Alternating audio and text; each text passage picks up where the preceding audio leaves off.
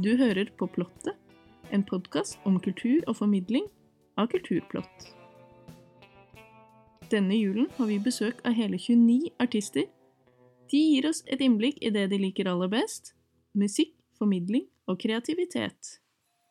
I hver episode får vi også en tekst om mytene ved julen, skrevet og fremført av forfatter, dramatiker og mytolog Terje Nordby. Så her er det mye å glede seg til. Mitt navn er Ellen Lund.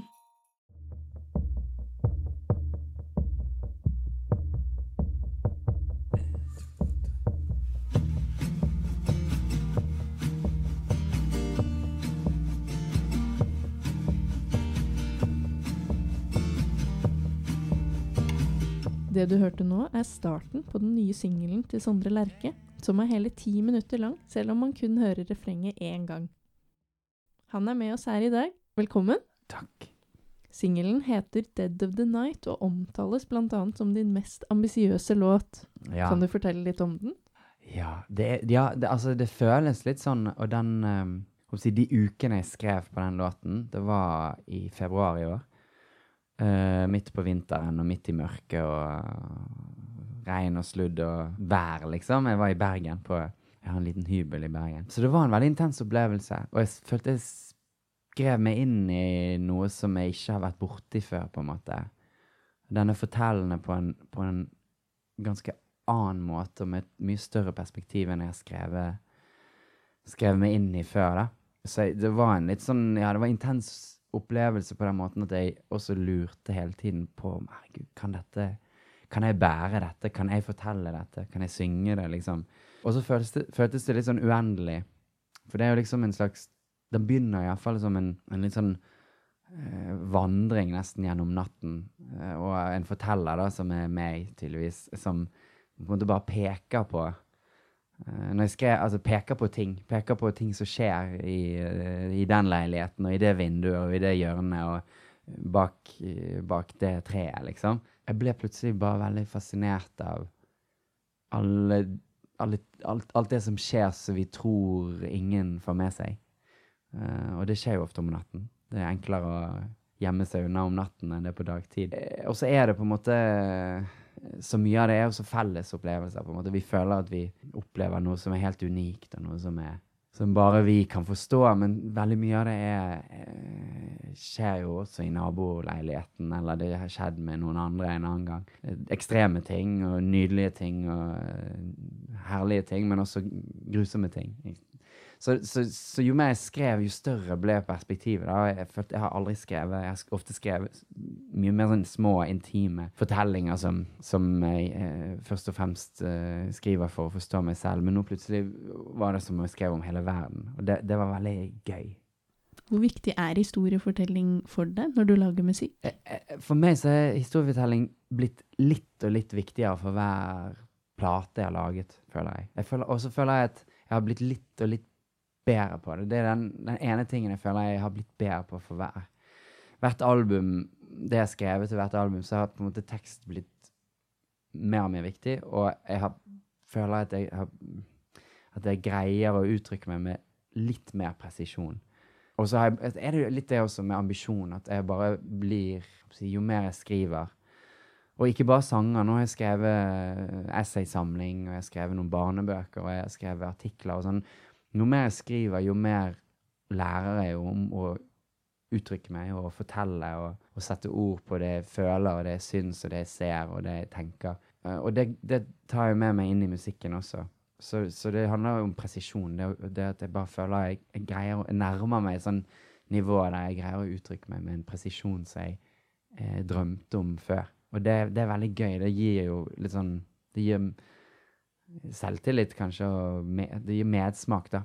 Og det gjør også at tekst har blitt gradvis mye, mye mer viktig i, i musikken. Og nå, på sånn som Dead of the Night og de tingene jeg har skrevet nå det siste året, som, som også omsider kommer på et album, plutselig, så er, så er på en måte det er teksten i, i størst grad som er i førersetet, og som mm, former sangene og styrer sangene. Sånn som Dead of the Night er jo Den er jo, den er jo ikke ti minutter fordi at eh, jeg skal gjenta refrenget for det er så catchy. Den er jo ti minutter fordi jeg har veldig mye å fortelle.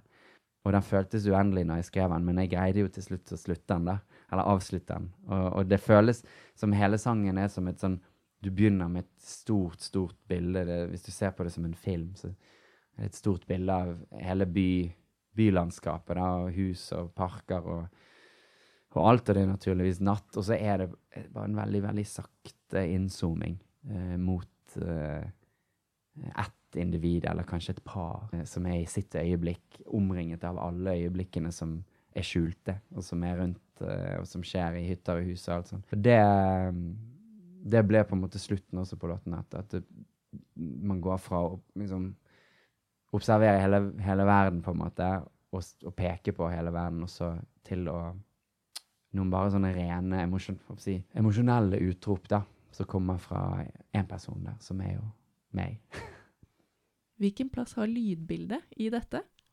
Det som er litt annerledes med lydbildet på denne sangen, på Dead of the Night, er, er at nettopp det at det er teksten som er det bærende element, det gjør at egentlig så er det en større minimalisme i måte, lyden og produksjonen fordi at jeg, jeg, tør å Eller teksten krever at jeg dveler ved eh, og blir ett sted, på en måte.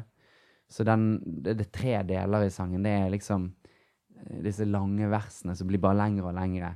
Um, og der hviler jeg bare på en måte på én eh, akkord, egentlig, med noen variasjoner. For meg ville det vært uhørt tidligere. For jeg, jeg, liker fremdeles veldig godt å omgi meg med mye akkorder og mye bevegelse og skift og sånn. Men med denne teksten så bare Musikken som kom med det, var helt naturlig bare Det var, det var som å lage litt sånn akustisk ambient-musikk, liksom. Der, du, der um, miljøet og tekstur, altså klangen av rommet, betyr like mye som en hvilken som helst tone. Og, og at man det, Jeg har hørt veldig mye på sånn musikk, men jeg enda, hadde ikke funnet en måte å fullt ut inkorporere det i min verden, fordi at jeg, jeg skrev en veldig sånn stramme låter. da. Mye strukturer. Du skal her fra A til B, og skal du til C, og skal du tilbake til B, og skal du til Altså, jeg har skrevet Jeg likte å skrive veldig sånn strukturerte sanger, mens med Dead of the Night så plutselig så fløt alt ut, for det var bare ordet som styrte når vi går inn i et nytt rom. da. Og det gjorde at jeg kunne, kunne dvele mer ved, ved det, musikalske. Og at du hører mye sånn tydeligere påvirkning fra minimalistisk, abstrakt musikk og ambient musikk og uh, musikk som på en måte repeterer ett eller to små temaer og sånne ting. Og det, det var en veldig befrielse å endelig finne en måte å ta det inn i min verden på, og at min verden også ble større. Og så kommer det jo et refreng plutselig etter tre minutter, men det vender aldri tilbake igjen. Jeg prøvde og prøvde å, å repetere det refrenget senere i sangen, for det, det, strengt tatt, hvis det skal være et refreng, så skal det helst repeteres, men det var bare ikke sjans. Og det også var fordi at det var ikke følte ingen motivasjon til å gjenta det for det var så mye annen tekst som, eh, som var viktigere, og handla jo i mye større grad om en veldig, veldig gradvis og tålmodig oppbygging av spenning. Og så er det en, en utløsning i, i det åttende minutt, på en måte. Da, så skjer det Da begynner det å koke. Og da også tenkte jeg mye mer sånn filmatisk når vi spilte det inn i studio. Da tenkte jeg på at det, det er som en filmscore. Jeg tenkte på Hans Zimmer og sånne ting, liksom. Inception og The Dark Night, liksom. Altså sånne veldig, veldig store, muskuløse utbrudd, på en måte. Da. Så det er jo det man bygger, bygger mot. Da. Det er utrolig gøy å, å ikke bare ha tre og fire minutter å bygge opp den forventningen på, men å ha liksom Med en gang du har ti minutter, da, da har, forholder du deg helt annerledes til det. Og så er jo utfordringen så klart å få folk, lytterne, med på den reisen. Det er jo en annen sak. Var dette et engangstilfelle, eller? Nei, det har jo seg sånn nå at jeg har spilt inn helt, et helt album. Og jeg kan jo jeg, Det kommer ikke før ut uh, i neste år på vårparten, men jeg kan avsløre at det fins sanger der som er lengre enn denne. så det, jeg har jo det, har, det, er et eller annet som har skjedd, på en måte, som Det er et eller annet som har skjedd som bare um, gjør at det bare Sangene forhold, blir helt annerledes, på en måte. Det, det, det, er veldig mange ting som har veldig melodiøst også, som jeg gjør. Og det er ganske variert, det jeg skriver nå. Men men det er definitivt en annen sånn frihet i, i fortellingen, da.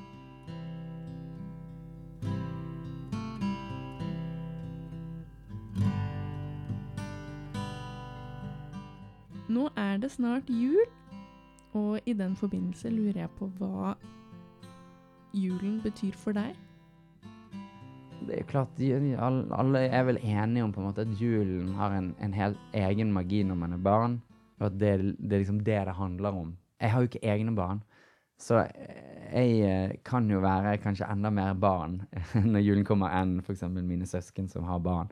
De, de er jo ansvarlig for sine barns jul, jeg, og jeg har jo bodd i utlandet i veldig mange år. Jeg har bodd i USA i 15 år, eh, nå før jeg kom hjem i fjor. Så jeg har jo blitt vant til at øh, jul handler om å komme hjem.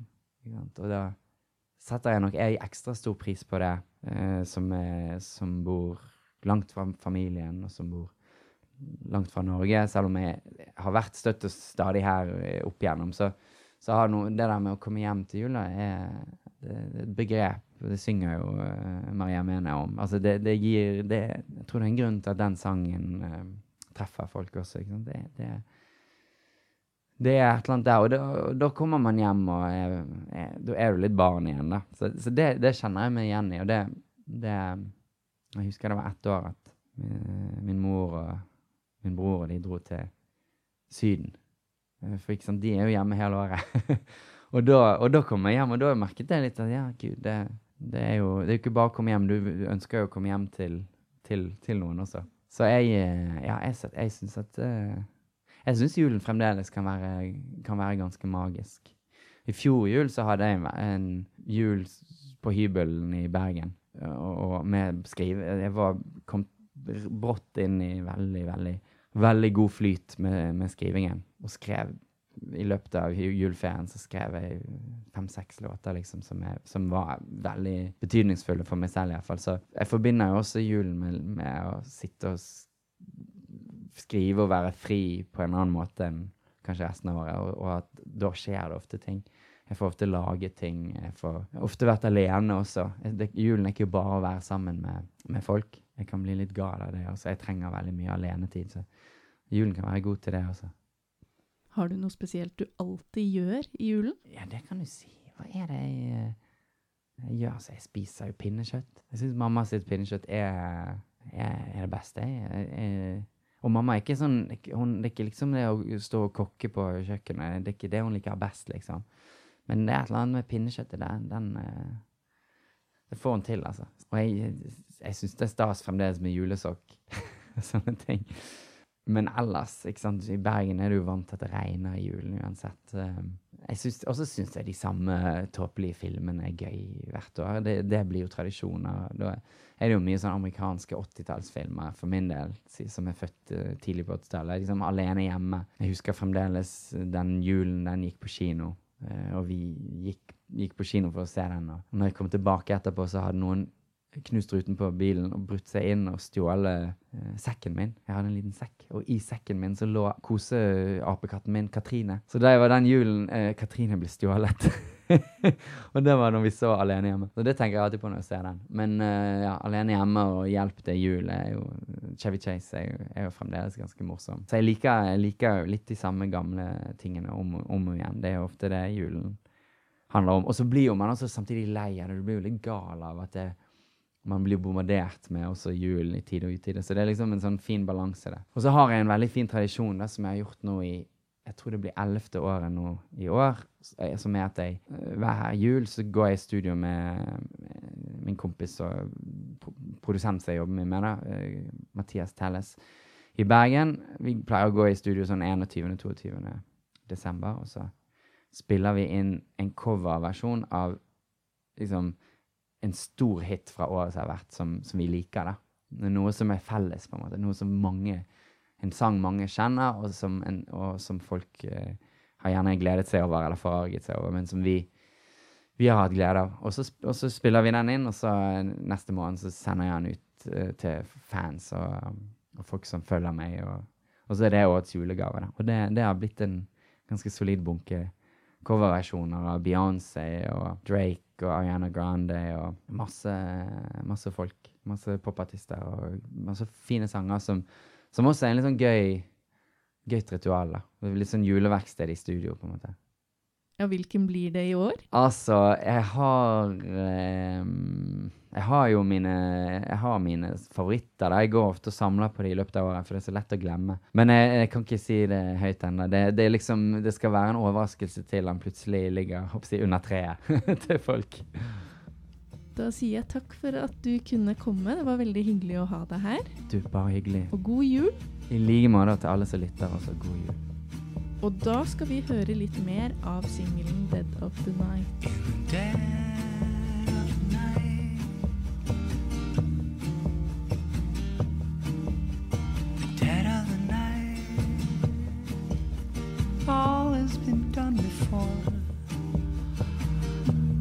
Every possible shape, every human position, every euphoric descent, an impossible mission. In the dead of the night. the dead of the night. Every horror, every blow, every transcendent sensory overload, all good faith shaken, all that hard earned trust forsaken in the dead of the night.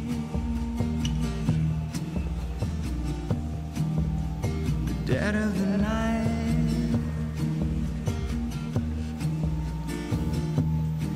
and you watching.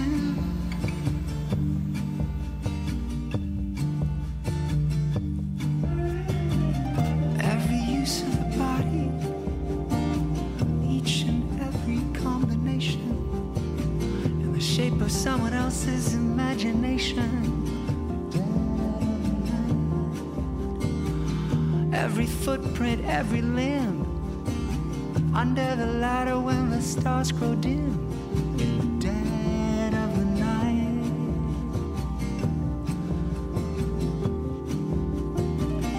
Every killer and missionary, every fuckboy beauty or sweet tooth Mary, every language of love, every lack of response from the moon up above, every bodily fluid way that we blend, every collapse of the heart when two poor souls meet their end. The dead of night. And you're watching. Det er første søndag i advent, og mens vi tenner det første lyset her, gir vi mikrofonen til forfatter Terje Nordby.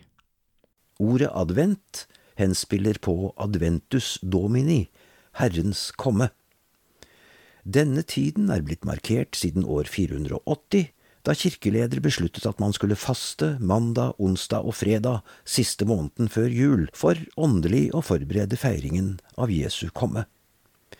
I det norske bondesamfunnet var kostholdet magert, og fisk var fastemat.